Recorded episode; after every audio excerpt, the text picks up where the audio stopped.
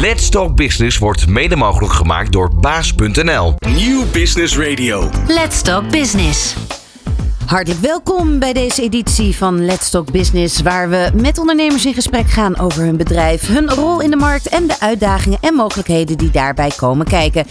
En een van die uitdagingen is het gebruik van de juiste data. Beslissingen nemen op basis van data en de juiste data verkrijgen uit data, om dat vervolgens op de juiste manier weer te implementeren. En dan ook nog eens je menselijk handelen daarop aan te sturen. Snapt u het nog? Van data naar doen. In deze uitzending van Let's Talk Business ga ik erover in gesprek met René de Boer en Nienke Halma van Digital Power. Zij geloven dat beslissingen die je maakt op basis van de juiste data tot de beste resultaten leiden. We duiken dus in de wereld van de data en analytics in dit uur van Let's Talk Business. Ondernemende mensen, inspirerende gesprekken, innovaties en duurzaamheid. Let's Talk Business. Met Fabienne de Vries. Ja, en met René en Nienke, hartelijk welkom. Hi. Fijn, goedemorgen. goed dat jullie er zijn. Dankjewel. Ja, het kan af en toe een beetje zo'n soort verwarring opleveren van wat je allemaal moet doen. En data is gold, eh, het nieuwe goud, data is key, om maar een paar van dat soort uitspraken te noemen. Ehm, ik eh, woon vlakbij eh, de, de, de RAI in Amsterdam, dus de IBC is natuurlijk elk jaar. En daar zie ik de razende reporters elk jaar ook weer voorbij schieten. Het gaat razendsnel in de data. Zeker. Ja, laten we eerst even. ehm, je mag iets dichter bij de microfoon komen zitten, Ja. zodat we je goed horen. Eh, René, laten we even kennis maken. Eerst met jullie, zodat we nou ja, daarna de, eh, de andere dingen kunnen bespreken. Want jij bent CEO. Je bent eh, in 2016 ben je dit bedrijf gestart. Ja, Wat- nou, ik ben het officieel niet gestart. Ik heb het overgenomen eh 1 juli 2016. We zijn toen begonnen met eh 18 consultants. Inmiddels gaan we richting de 150. Eh, dus altijd wel eh, heel duidelijk eh, een ambitie gehad om te groeien. Maar waar kwam jij vandaan? Want je bent, je bent jong, je bent onder de 40. Ja, ja zeker. Ik heb een achtergrond in de civiele techniek. Heel wat anders, beton en staal. Daar in de consultancywereld gezeten. Op een gegeven moment kwam ik tot het punt dat ik voor mezelf wilde gaan starten. En vervolgens ben ik dat samen met mijn compagnon gaan doen. Want wat maakte dat jij dacht, ik ben toch meer ondernemer en ik moet voor mezelf starten? Nou, ik zeg dat maar zo. Ik ben nooit echt als ondernemer geboren. Eh, wat ik heel erg heb geleerd bij mijn vorige bedrijf is dat als jij mensen centraal kan zetten in een organisatie, dat je daar hele toffe en vette dingen mee kan doen. En een heel gaaf bedrijf neer kan zetten met een sterke cultuur. Ehm, nou, dat veranderde bij ons, bij mijn oude bedrijf. En dat is eigenlijk wel weer wat ik zocht. Dus dat was voor mij eigenlijk de noodzaak, of eigenlijk mijn drang om voor mezelf te gaan beginnen. Ik dacht, ik ga een bedrijf neerzetten met een hele sterke cultuur, waar mensen centraal staan. Eh betekent niet dat je alles moet doen wat ze vragen van je. Eh, maar wel samen eh, met, met een plan aan de slag te gaan. Ja, want wat voor gevoel gaf het jou om centraal gesteld te zijn binnen een bedrijf? Ik denk een bepaalde vorm van autonomie. Ik denk dat dat een hele belangrijke is. Bepaalde vorm van verantwoordelijkheid mogen nemen. Dus het vertrouwen krijgen dat je ook fouten kan maken. Eh, van die fouten leren. Eh, als je leert en je ontwikkelt, ja, dan, dan, dan groei je als individu. En als je dan een groep van individuen kan laten groeien, ja, dan, dan ga je een heel vet bedrijf neerzetten waarin groei dan ook centraal staat. En dat zeg ik ook bij ons altijd. Groei is niet vanwege de euro, maar groei is vanwege de ontwikkeling. Dus als eh, ja, mensen zich ontwikkelen, dan willen ze lang bij je blijven. Ja, dus het was vanuit die bedrijfscultuur die wegappte, waarbij jij dacht van ik voel me hier. Maar dan, dan zou je ook naar een andere baan op zoek kunnen gaan. Jij koos ervoor om voor jezelf te beginnen. Ja, ja, Want je miste iets in de. ehm, je was consultant, ja. maar in, op het gebied van civiele techniek. Dus Precies. heel wat anders. heel wat anders. Dus wat maakt dat je dan eh, denkt: ik ga een softwarebedrijf overnemen? En wat, wat, wat, wat speelde er toen? Ehm, nou, een, hele praktische reden is dat ik ook een concurrentiebeding had. Dus ik mocht niks meer in de techniek Oh in ja. eerste instantie. Dus dat was een hele praktische reden. Eh, maar ook, ik wilde wel gewoon in een hele andere markt act- actief zijn. Eh, techniek is een hele constructieve wereld. Eh, ik wilde wel weer in een wereld stappen wat, waar ontwikkeling veel sneller ging. Ehm, nou, is dit een markt die wel heel snel gaat? Ik bedoel, als je een half jaar niks doet, dan, dan loop je eigenlijk achter de feiten aan.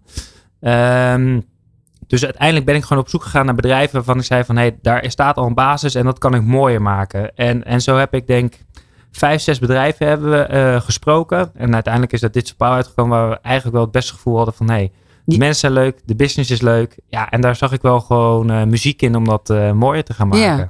Dus dat, dat bloed kruipt dan toch waar het niet gaan kan. Je, Ja. je zegt, ik ben niet zo ondernemer, maar blijkbaar toch wel, Ja, toch wel een beetje. toch wel meer. Ja, ja, Want zeker. die rush daar, hè, en met name ook wat je zegt, iets mooier en beter maken. Ja. Vanuit, van, dat is natuurlijk een mooi uitgangspunt. Eh, je zegt we, wie is we?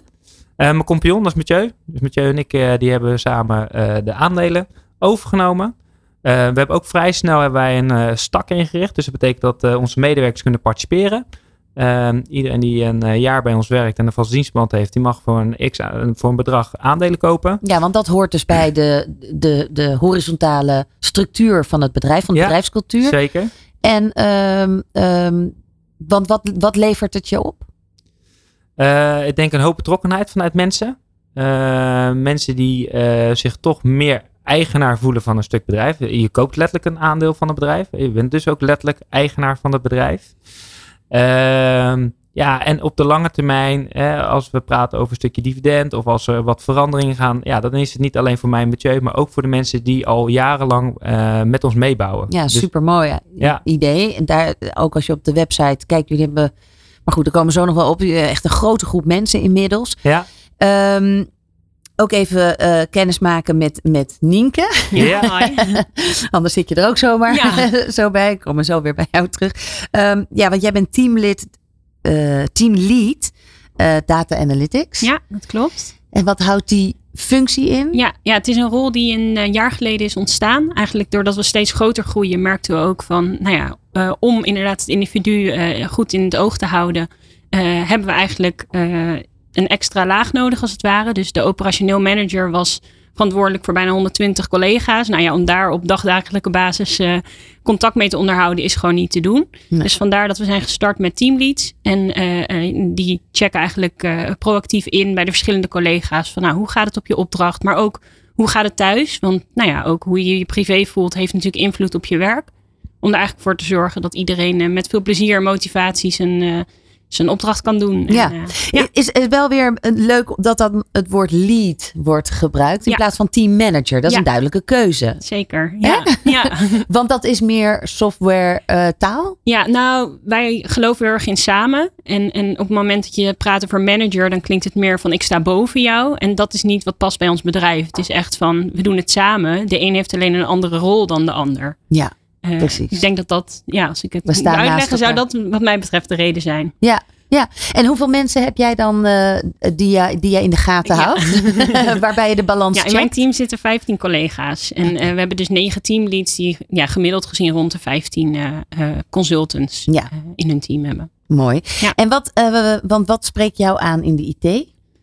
Ehm, ja, ik vind het ook inderdaad wat, wat René ook zegt. Het is een snel veranderende wereld. En, en dat vind ik gewoon erg leuk. Dat, eh, zeker als je werkt met een, met een groep consultants die allemaal net een andere expertise hebben. Dat je elkaar scherp houdt van vakontwikkelingen, eh, markttrends. En dat je op die manier jezelf ook kan blijven ontwikkelen. En andere bedrijven ook kan helpen om te groeien. Ja, ja want dat is inderdaad de service eh, die jullie Zeker. bieden. Ehm, ja, want als we kijken naar, naar het bedrijf, Digital Power, heette het altijd al zo? Of hebben jullie die naam nog? eh, nee, dus dat is. eh, De kleur en de naam, die hebben we allemaal hetzelfde ja, precies. Want, want het is een, een data analytics consultancybureau. Ik moet dat Ja. rustig zeggen om het niet een tongbreker te laten zijn. ja. Ehm, in welke staat verkeerde het toen je het, toen je het overnam? Eh, in, in de fase van starten. Dus we waren met, met 18 mensen. Destijds hadden we ook nog digital marketing, was ook nog een, eh, een eh, specialisme. Daar zijn we toen vrij snel eh, mee gestopt. En ehm, ja, dus de start was eigenlijk, zeg ik altijd maar vrij simpel, was gewoon focus op nieuwe klanten binnenhalen. Nou, op het moment dat je dan nieuwe projecten ook binnenhaalt, dan kan je ook weer nieuwe mensen aannemen. En daar continu een balans in zien te vinden tussen het aannemen van de juiste mensen, het aannemen van de juiste klanten en daarin doorgroeien. Ehm, dus ja, de, de, de, de- er stond gewoon een hele mooie basis. Ik wou net zeggen, je had een goede basis en Ja. het was een hele Ja. vruchtbare grond. Ja, Ehm, inmiddels 120 professionals in eh, dienst op weg naar eh, nog meer. Ehm, toch is, weten we ook uit deze wereld dat het verkrijgen van goede mensen lastig is. Dus hoe doen jullie dat? Nou, allereerst een vrij kritisch selectieproces. Dus dat, ik denk dat dat een hele belangrijke is.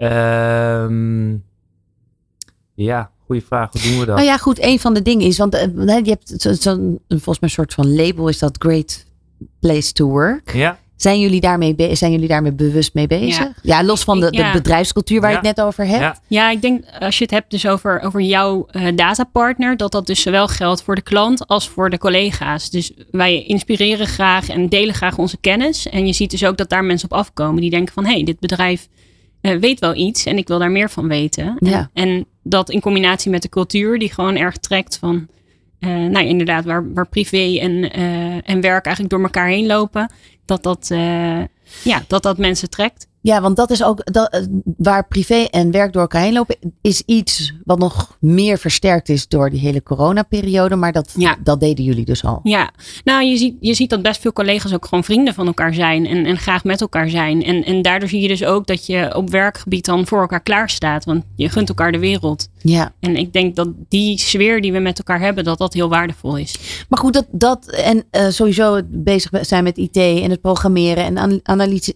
eh, Ik, ik heb bij mij achter wo- wonen mensen die zie ik s'nachts altijd werken. Dan weet ik nooit of ze dan analytics doen. Of dat, omdat dat s'nachts nou eenmaal beter geconcentreerd kan of zo. Of dat ze met India in gesprek zijn. Dat kan natuurlijk ook. Ja, Ehm, maar ja, dat, de, er is wel een bepaalde lifestyle nodig. Volgens mij voor het werk wat jouw teamleden dan Nienke in deze doen. ja. Wat, was, Ja. wat voor lifestyle hoort daarbij? Eh, ja, dat verschilt denk ik een beetje per expertise. Dus, dus de ene collega schuurt heel erg tegen de business aan en praat veel meer over van hoe halen we die waarde uit de data. En andere collega's zitten veel, veel, veel dieper in de techniek. En die zijn inderdaad bezig met programmeren en, eh, en code schrijven. Eh, en daarvoor zie je dat je inderdaad een, een goede focus nodig hebt. En, en dat ook de een die focus meer in de avonduren pakt dan, dan overdag. Ja. Ja, wat volgens mij ook wel bij IT'ers hoort, is dat ze inderdaad ook wel het zelf willen bepalen. Van, als, waarom zou ik een 40 uur werkweek hebben als ik het in 8 uur kan en die andere 40 of die andere uren gewoon eh, kan gaan eh, tafelvoetballen of eh, ontspannen? Dat, zie, dat herken jij, René? Nou, in, ba- in basis zou je wel zeggen dat het zo zou kunnen. Maar eh, ik denk dat wij ook allemaal mensen hebben aangenomen die niet zo in elkaar zitten. Ja. Dus we hebben ook heel veel mensen die gewoon een soort van bij zo'n data of programmeren, dat zit gewoon in hun DNA. Er zijn ook heel veel mensen die gewoon thuis een eh Raspberry Pi eh, aan het programmeren zijn als hobby. Eh, of een keer zeggen, joh, ik ben een of andere eh, softwarepakketje voor mezelf even in elkaar aan het timmeren. Dus mensen zijn wel heel gedreven in hun vak. Ehm, en ik denk wel, we hebben wel flexibele werktijden. Dus we hebben ook niet gezegd, oké, je moet tussen 9 en 5 je werk doen, et cetera. Je moet wel bereikbaar zijn natuurlijk voor de klanten. Tegelijkertijd hebben we ook wel gezegd, oké, ja, soms mensen na drie uur s'nachts zitten te werken. Is dat nou een gezonde situatie? Dus we hebben daar wel een beetje proberen te beperken. Dus we hebben nu geloof ik eh, tussen 7 uur s ochtends en 9 uur s avonds. Dat dat een beetje de ruimte is. Hè? Dus ene die start even wat later op, maar die gaat wat langer door. Ehm, maar in basis, ja, we hebben toch met onze klanten te maken. Dus je hebt toch wel met business te maken. Eh, we zijn eh, in de groei zijn we heel erg gefocust geweest op Nederland. Ehm, kijk, ik kan me voorstellen dat er sinds kort hebben we ook dat mensen in het buitenland kunnen werken. Dus ze mogen een maand per jaar mogen ze in het buitenland zitten en werken. We hebben een collega gehad die in Japan zat. Eh, die heeft toch eh, op de een of andere manier met haar, haar klant kunnen eh, regelen van joh, er is ongeveer twee, drie uur tijdsoverlap. Laten we die dan pakken. Ja. En de rest doe ik dan in, in Japan. Dus je ziet best wel, corona heeft zeker wel veel veranderingen daarin gerealiseerd. Maar ook wel op een hele positieve manier, Ja. in mijn ogen. Ehm, dan zijn er best ook wel, om nog even bij die cultuur, bedrijfscultuur van, van, van jullie te blijven, ehm, een aantal dingen waar jullie dus, nou ja, waardes waar jullie vanuit werken. Eh, ondernemen met aandacht. Wat, eh, nou, dat eh, iedereen onderneemt, nou trouwens niet iedereen onderneemt met aandacht, maar wat bedoelen jullie daarmee, Nienke? Nou, misschien moet ik die vraag aan eh, de René. ondernemer. Ja. nou, ik denk dat Nienke is daar zeker een goed voorbeeld van. En ik denk ondernemen met aandacht is voor mij eh, zowel eigen belangrijkste eh, eh, aandacht voor onze mensen. Hebben we de juiste aandacht voor onze mensen, dan besteden onze mensen ook weer de juiste aandacht aan onze klanten. Ehm, en daar een heel praktisch voorbeeld van. als iemand privé, en Nienke heeft al een paar keer benoemd, maar als iemand privé uitdagingen heeft of zit er niet lekker in zijn vel, dan kan ik niet verwachten dat iemand 100% op zijn werk presteert. Dus wij hebben heel erg van oké, probeer zoveel mogelijk te delen wat er bij je gebeurt. En eh, is er een situatie die, uh, ja, die invloed heeft, ja, laat het ons weten. Zodat we ook met die klant in gesprek kunnen gaan van hé, hey, wacht even, we moeten of wat schuiven in het team. Of nou, in ieder geval de komende twee, drie dagen is iemand even afwezig. Of ja, dus ja, aandacht voor, voor de mens. Ja. En dat, is, dat, dat is voor mij in ieder geval ondernemen met aandacht. En, ja, en dan heb je nog mhm. Culture Eats Strategy for Breakfast. Zo'n mooie one-liner. Niet zelf bedacht, zei ik net al. Ja. nee, ja, ik, ik, ik zeg altijd zo. Um, toen ik begon met ondernemen, eigenlijk het, het, allersterkste team is bewijs van als wij morgen, uh, we zijn inmiddels bijna 150 man groot, het hele team bij elkaar, consultants en staf bij elkaar. Als wij morgen met elkaar zeggen, joh, er gebeurt wat in onze wereld en we moeten morgen, weet ik het, uh, banden gaan plakken. Dat we dan ook met z'n allen zeggen, oké, ja, het is misschien even kloten, maar we gaan het wel doen met elkaar. En uh, dus je kan nog zo'n mooie strategie hebben, maar als er uh, dingen gebeuren in de wereld of er zijn andere dingen, componenten die gebeuren, dan moeten we met elkaar uh, wendbaar zijn. Ja. En, en ik denk dat daar die cultuur heel belangrijk voor is. Ja. Wil jij daar nog iets aan toevoegen? Ja, nou ja, ik denk dat, dat dat wel heel erg zo is. Dat mensen voor elkaar klaarstaan. En dat vind ik ook altijd wel het mooie. Dat de, de ene keer help jij iemand en de andere keer word jij geholpen. En ja. en ja, dat vind ik altijd heel fijn om te zien voelt als een familie waarmee jullie werken. Goed, wat, je, wanneer kom je uh, bij Digital Power als je dus nu luistert en denkt van ja, wat, wat, uh, wanneer ga ik nou met mijn bedrijf daar naartoe? Wat zijn dat soort momenten? Blijf dan luisteren, daar gaan we het zo over hebben. Dit is Nieuw Business Radio. Let's Talk Business. Ja, I will catch a grenade voor je. Hè? Dat is een beetje jullie bedrijfscultuur. Toch? Uh, ja. ja, dat is wel een hele mooie. ik pak die bullet. um, hoe gaat dat in zijn werk? Een succesvol dataproject of überhaupt je bedrijf uh, succesvol laten zijn of de juiste beslissingen nemen als je je laat leiden door data. Wat zijn daar de voordelen en de nadelen van? Hoe, hoe gaat dat bij jullie? Hoe gaat het? Wanneer ja. komen mensen bij jullie? Um, ja, het verschilt eigenlijk. De ene keer zijn ze geïnspireerd geraakt op onze website of hebben ze ons op een beurs gesproken en, uh, en gaan ze gewoon met ons in gesprek.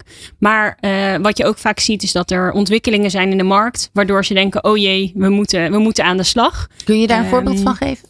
Um, nou, wat er bijvoorbeeld uh, is gebeurd per 1 juli is Universal Analytics uh, gestopt. Uh, dus die data die daarin verzameld wordt, stopte met verzamelen, zeg maar. En dat was een reden voor veel bedrijven om over te stappen naar, een, naar bijvoorbeeld GA4, Google Analytics 4, maar of een andere tool.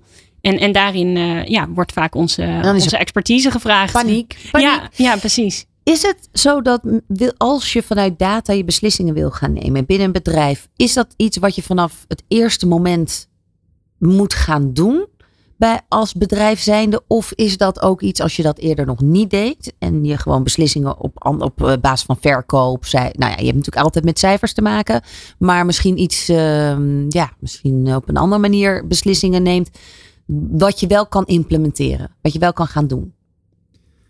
Uh, nee, ja, sowieso hoeft het niet per se vanaf het begin. Dus heel, veel, heel veel klanten waar wij nu voor werken, dat zijn natuurlijk al klanten die een uh, lang bestaansrecht hebben. Uh, die in het verleden, ja, zonder data wil ik niet zeggen, want ik denk dat iedereen altijd wel hè, met ja, cijfers, ja, omzetcijfers. Je, precies, je, je verkoop, je omzet, cijfers zijn er altijd geweest. Dus het is vooral ehm, dat mensen en bedrijven op een gegeven moment van hey, we kunnen processen optimaliseren, we kunnen betere beslissingen nemen als we meer inzicht hebben in, in, in onze processen. Ja, want wat, min, wat wil men weten? Heel, heel verschillend. Hangt heel erg af van, van de business van, uh, van, uh, van onze klanten.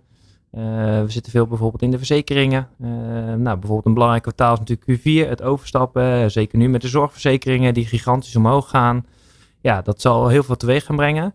Dus ja, de, de zorgverzekeraars die zitten gewoon heel erg oké. Online, het, eh, onze, onze potentiële klanten en onze klanten, ja, die moeten we goed volgen en goed uh, inzichtelijk hebben van, hey, wat gebeurt er nu? En als bijvoorbeeld een klant, weet ik het, drie keer naar een klantenservice belt, ja, dan kan je, is misschien een indicator dat hij misschien af gaat haken of naar een andere verzekering toe wil stappen. Mm Ja, dus dat is voor een verzekeraar heel belangrijk. En, en zo is er heel veel verschillende andere business. We hebben een, een, een aardappelleverancier, we hebben uh, een grote zuivelproducent uh, hebben we als klant ja, die hebben allerlei andere vraagstukken. Uh, dus het is vooral. Nou, noem daar eens een paar van. Wat, wat zijn de vraagstukken? Nou, die, die zuivelleverancier is gewoon letterlijk uh, op dagbasis hoeveel melk krijg ik binnen van de boeren. En hoe beter wij dat kunnen voorspellen, hoe beter wij de productie daar weer op af kunnen stemmen. Ja, want het is wel een kwestie van hoe langer je data checkt, Ja, eh, of in de gaten houdt of analyseert, des te makkelijker het wordt om het te interpreteren en daar beslissingen op te Nou, nemen. Eigenlijk niet per se. Ehm, wij zijn ook sinds kort begonnen met een datastrategieproject. Dus dat betekent dat we bij bedrijven ook datastrategie implementeren. Eh, en dat zorgt ervoor dat je data die je gebruikt, dat dat aansluit bij je organisatiedoelen. Eh, en, en dat is denk ik iets wat heel belangrijk is ehm, om ervoor te zorgen dat, eh, dat je op de juiste data stuurt. Ja. Wat je in praktijk nog wel ziet, is dat verschillende afdelingen verschillende definities bijvoorbeeld van een bepaalde eh, van bepaalde data hanteren.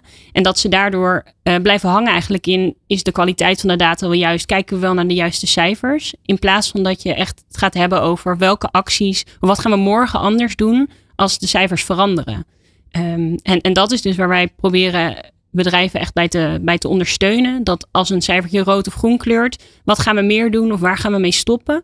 Zodat je uiteindelijk je organisatiedoelen gaat halen. Ja, ja. ja want dat is dan de, de, de volle eh, data benutten Ja. om de juiste keuzes eh, te kunnen maken. Zeker. Welke fouten maken ondernemers hierin? Of misschien wel denkfouten? ik denk sowieso dat het eh, denken dat het makkelijk is. Ik denk dat dat een gigantische eh, misstap is. Dat Ja, je wel ik- even met een aantal cijfers. Ja, bij wijze bent. van. Dus, dus het is vaak, ehm, ik denk bepaalde inzichten naar voren halen. Ik denk dat dat nog niet eens heel erg lastig is. Het is vaak, oké, maar wat ga je er nu mee doen? En hoe ga, hoe ga je nou als organisatie op een andere manier naar je werk kijken? Dus wij, wij, wij, wij halen niet alleen data naar voren, we gaan ook inzichten. Dat kan ook soms heel confronterend zijn natuurlijk. Hè? Oh ja, ik dacht dat dat het tien was, maar het blijkt maar vijf te zijn. Om even als voorbeeld te noemen. Dus het kan confronterend zijn. Dus je hebt vaak ook met cultuurverandering te maken binnen een organisatie.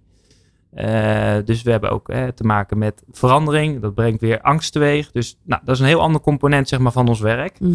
Eh, dat zijn denk ik onze consultants die veel meer in de business ook zitten.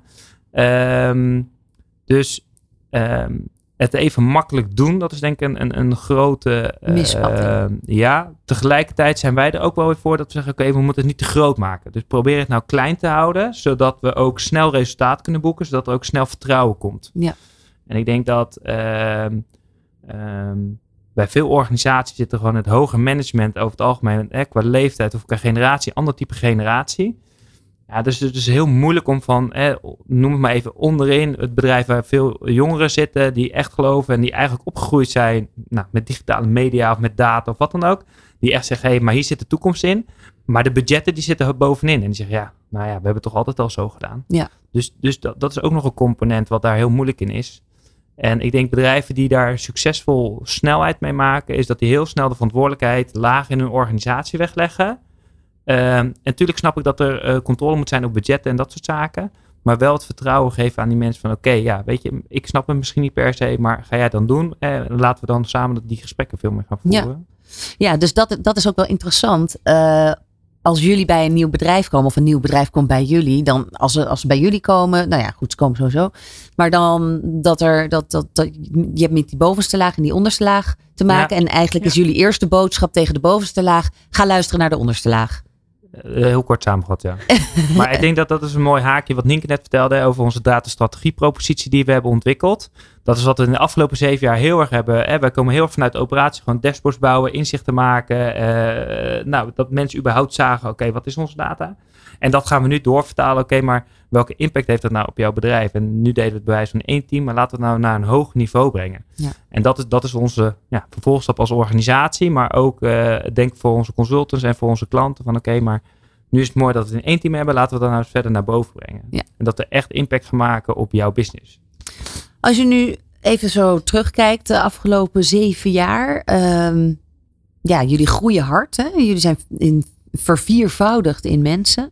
Er zijn eh, twee overnames eh, geweest. Wat Ja. waren nou ehm, ja, momenten waar je trots op bent?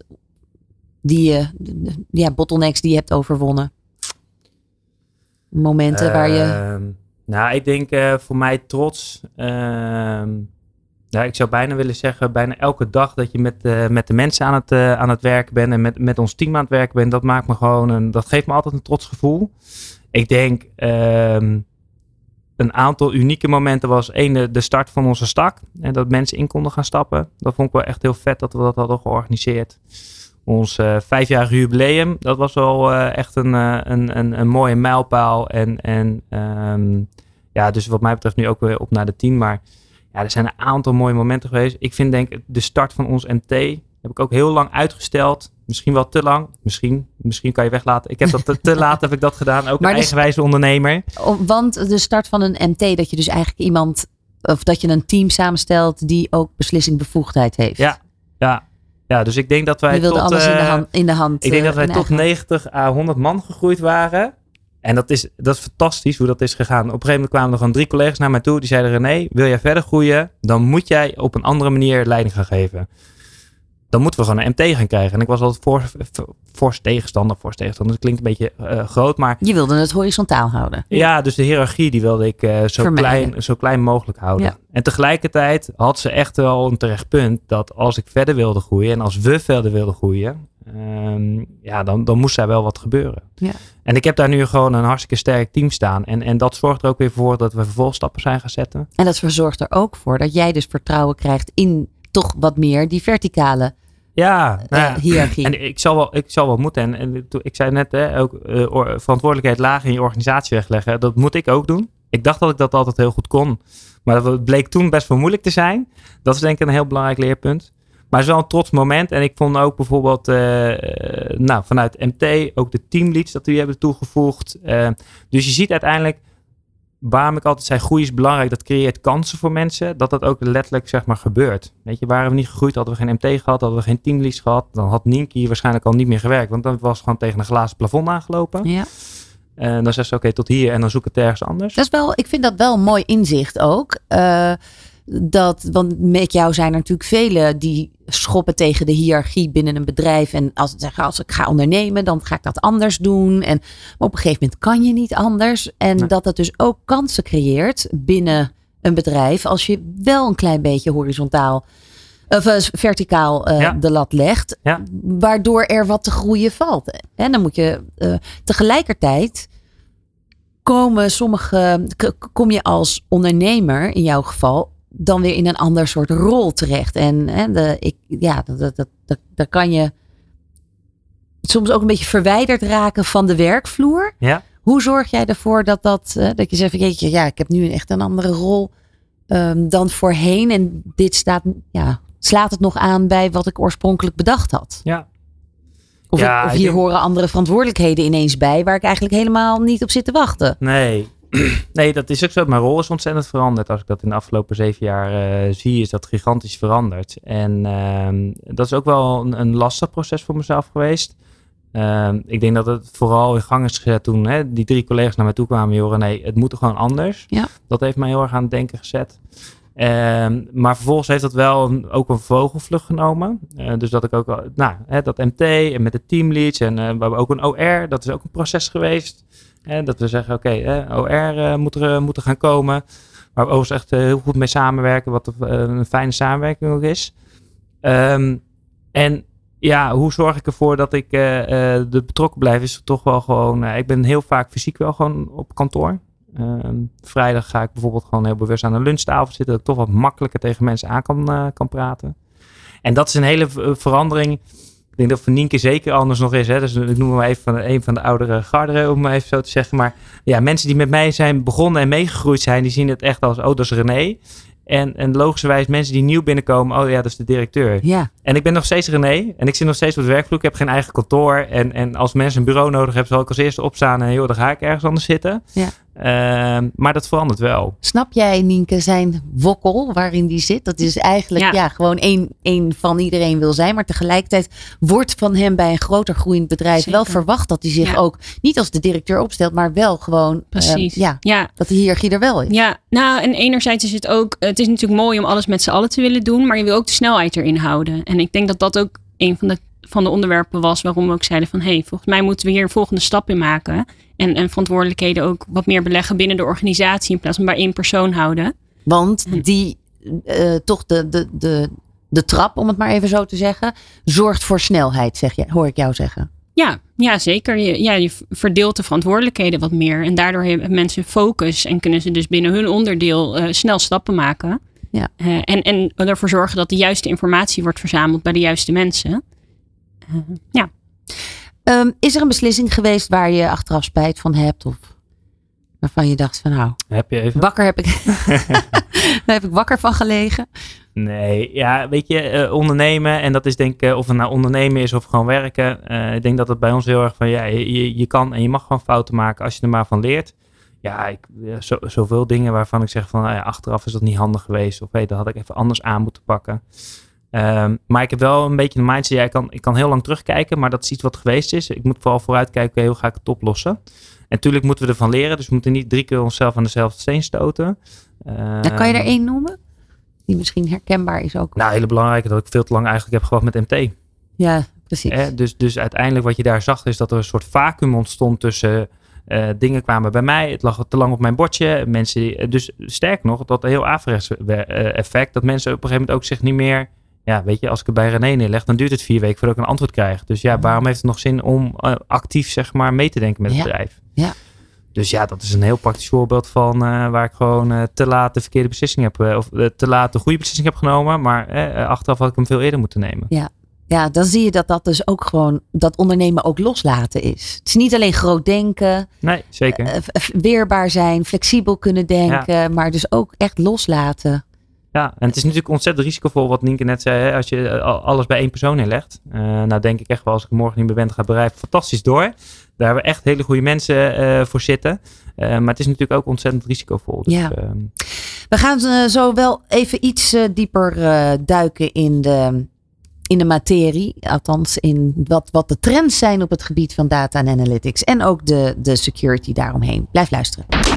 Let's Talk Business op Nieuw Business Radio. En dat doen we nog steeds met Digital Power, Nienke en René. Ehm, ja, de, de organisaties worden steeds technischer. De digitale revolutie die raast en dendert eh, maar door. Eh, je moet bijblijven, want eh, wat je net René al schetst is een half jaar niet opletten en je hele bedrijf loopt alweer achter. Er zijn dus heel veel ontwikkelingen ehm, rondom Google Analytics, onder andere. Ehm, denk daarbij aan privacygebruik, nou ja, al dat soort dingen. Als we het hebben over, over zo'n overstap van analytics naar, of, eh, van Universal Analytics naar Google Analytics, ehm, zo'n generatie daarin, wat, wat moet ik me daarbij voorstellen? En, en, en, en hoe, in, hoe in de war als bedrijf moet ik daarvan zijn? Ja. of hoe zenuwachtig moet ik dan Ja. worden? Ehm, nou, enerzijds heb je natuurlijk je, je geschiedenisdata die zeg maar in, in eh, Google eh, Universal Analytics staat. En anderzijds heb je dat je de inrichting, de implementatie van Google Analytics 4 bijvoorbeeld wil, eh, wil gaan inrichten. Eh, en je ziet dus dat met die overstap dat bedrijven opnieuw gaan kijken welke data verzamelen we, welke definities hanteren we. Ehm, maar ook eh, hoe kunnen we ervoor zorgen dat die geschiedenisdata aansluit met de nieuw te verzamelen data. Zodat we nog wel terug kunnen kijken naar hoe ging dit vorig jaar, hoe ging het de jaren daarvoor. Eh, en dat we die trends eh, kunnen analyseren en op die manier bepaalde keuzes kunnen maken. Ja, en daarmee ook de kwaliteit van de data Zeker, hoog precies. houden. Ja, Ja. ja. Ja, want, want als het gaat om bijvoorbeeld de AVG, waar moeten we dan op dit moment op letten? Wat, wat, zijn, wat zijn nieuwe trends of nieuwe dingen waar. Nou, misschien niet per se in de AVG, maar in Ja. het algemeen. Wat Ja. zijn trends in eh, analytics waar we op moeten letten? Ja, ik denk dat als je het thema AVG, dat is, eh, moet ik het goed uit mijn hoofd zeggen, die is al een paar jaar natuurlijk eh, van toepassing. In het begin zie je dan heel veel bedrijven nog van, oké, ja, wacht even, ik weet niet precies wat het nou voor mij betekent. Dus die zijn af, wat afwachtende, hè, die lopen wat achteraan. Er zijn een aantal organisaties die eh, hebben, grote corporate organisaties, die kunnen het zich gewoon niet permitteren om daar achteraan te lopen. Dus die lopen daar heel erg in voorop. Ja, en momenteel zie je daar best wel gewoon. eh, hè, er wordt ook echt eh, eh, op gecontroleerd tegenwoordig. Er worden ook boetes uitgekeerd. Dus nu worden ondernemers in één keer soort van gedwongen van. Oh ja, wacht even, dat is niet even zomaar een dingetje. Ja.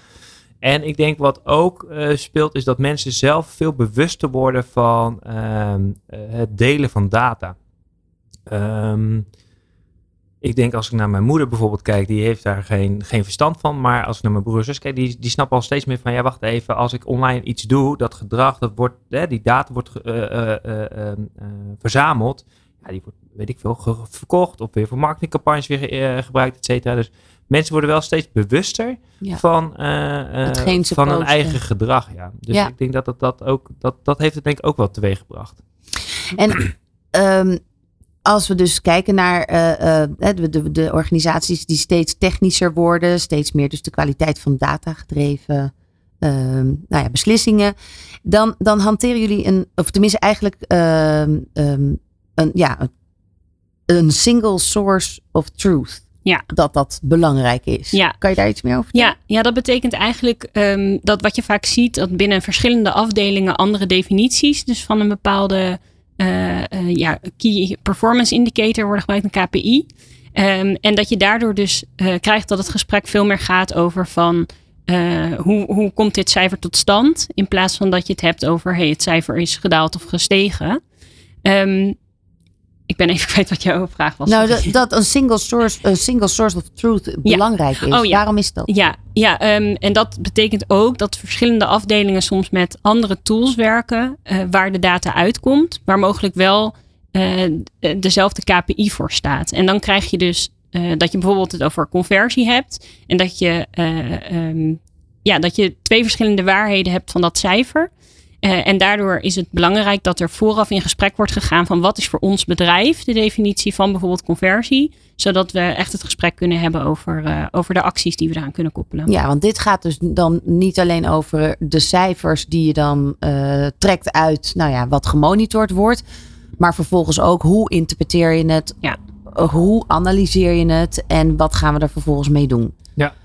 Ja. Met name ook omdat je verschillende tools wil gaan combineren, verschillende databronnen wil gaan combineren. Dus uh, je start bijvoorbeeld alleen met je, je, je sales uh, uh, data. En vervolgens zeg je, hey, misschien is het handig om ook mijn voorraaddata erbij te gooien. Of mijn, mijn web analytics data te combineren. En dan zie je dus dat, dat in die verschillende bronnen dat soms dezelfde definities worden gebruikt. En dat het dus belangrijk is om te bepalen van, hey, die uit de sales tool is onze waarheid. En dat is dan die single source of truth. Ja de IT en business, daar zit nog wel eens een. Um, nou ja. Miscommunicatie. Precies. Waar, wat, wat heeft dat dan met dit te maken? Met de verschillende manieren van interpreteren? Of dat je zegt: oké, okay, uh, uh, wat, wat, jij, jij zei net niet, wat hebben we nou. Um, welke data zien we, maar, maar hoe gaan we daar, of waar komt ja, er vandaan? Waar precies, komt deze ja. data vandaan? Ja, dat, datagedreven werken betekent niet werken met cijfers. Dus het is niet uh, alleen maar het rapporteren van een getal. Maar het gaat erom dat je er een actie aan koppelt. Maar als je dus ook al moet gaan bekijken van waar komt het vandaan. Ja, dan wordt het allemaal wel. Uh, dan ga je wel heel erg achter de komma werken. Uh, ja. Maar is dus belangrijk. Ja, dus je ziet daar denk ik de afgelopen jaren zie je daar ook weer een hele belangrijke ontwikkeling. Hè? Sowieso de transitie naar cloud is daar denk ik een hele belangrijke uh, in. Um, je ziet daarin dus het opbouwen van data-infrastructuren. Dus hoe staat je infrastructuur uh, verandert uh, ontzettend snel. Uh, met name door die technologische ontwikkelingen. Dus ik denk hoe in het verleden zeg maar data warehouses werden opgebouwd ten opzichte van nu, dat gaat vele malen sneller. Dus data kan veel sneller van A naar B worden gestuurd, om maar even zo uit te drukken. Um, en daardoor is het ook wel heel belangrijk dat, die, dat IT en, en, en business met elkaar praten. Want de business kan die infrastructuur niet neerzetten. En, en de infrastructuur moet neergezet worden op basis van de businessbehoeften. Dus ik denk dat een hele belangrijke verandering is die je ziet bij bedrijven. Dat IT en business veel samen met elkaar moeten gaan werken. Daar hebben we ook de afgelopen zes maanden weer een hele belangrijke ontwikkeling in. We noemen dat Analytics Engineering. Um, daar hebben we dus ook heel snel zagen we een verandering daarin. Daar zijn twee collega's intern die hebben gezegd: hey, we zien daar echt een kans voor Digital Power. Hebben een opleidingsprogramma voor gezet. Ik denk dat we binnen twee, drie maanden hebben wij daar 20 tot 30 collega's in omgeschoold. En, en die waren in no time weer nieuwe projecten aan het doen. Ja. En dat was vooral de vertaalslag tussen ja, techniek en business wat meer daar dicht bij elkaar, bij elkaar te brengen. Ja. En, maar dan zit het hem dus ook heel erg wat jij zegt van de warehouses en alles. En dat er dus de snelheid uh, naar ja. gekeken wordt. Um, kijken jullie dan ook naar wat het verbruikt, bijvoorbeeld? Want um, ook de clouds zijn niet uh, altijd even milieuvriendelijk. Nee, zeker. Um, houden jullie je daar dan ook mee bezig? Ik denk dat vanuit twee dingen wordt het aangestuurd. Eén vanuit kosten. Uh, hè, dus gewoon uh, heel veel opslag kost je gewoon heel veel geld als organisatie. Dus wij zijn altijd bezig om uh, te optimaliseren in de infrastructuren. Um, ja, en, en, tegelijkertijd is, is inderdaad gewoon een milieucomponent is een hele belangrijke.